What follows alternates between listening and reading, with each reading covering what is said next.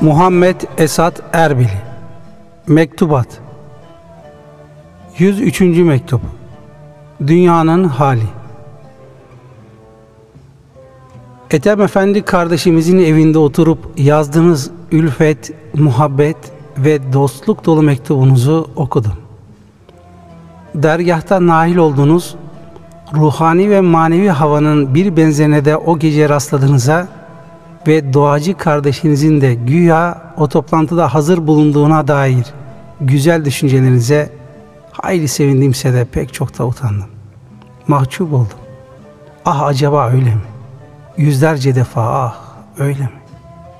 Cenab-ı Hak bu aciz kulunu af ve mağfirete layık görür mü? Ama neden? Çünkü adeta bir otel ile pek farkı olmayan bu dünya misafirhanesindeki yaşayış ve hayatını düşünen İnna lillah ve inna ileyhi raciun. Biz Allah'ınız ve ona döneceğiz cümlesini hakkıyla tefekkür edip değerlendiren akıllı bir kul ve aklını iyi kullanan bir kişi şüphe yok ki bütün kuvvet ve gayretini o amansız ve çaresiz olan dehşet makamı yapayalnız ve korkunç istirahatgah için harcar.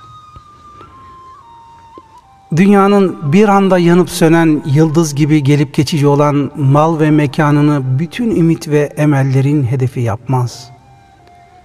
Bununla beraber biz yine de inna lillah ve inna ileyhi raciun deriz.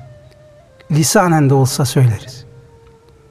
Bunun gerçek ve hakikatine ermek için de Cenab-ı Hakk'a tazarru ve niyazda bulunur. Boyun bükerek yalvarırız.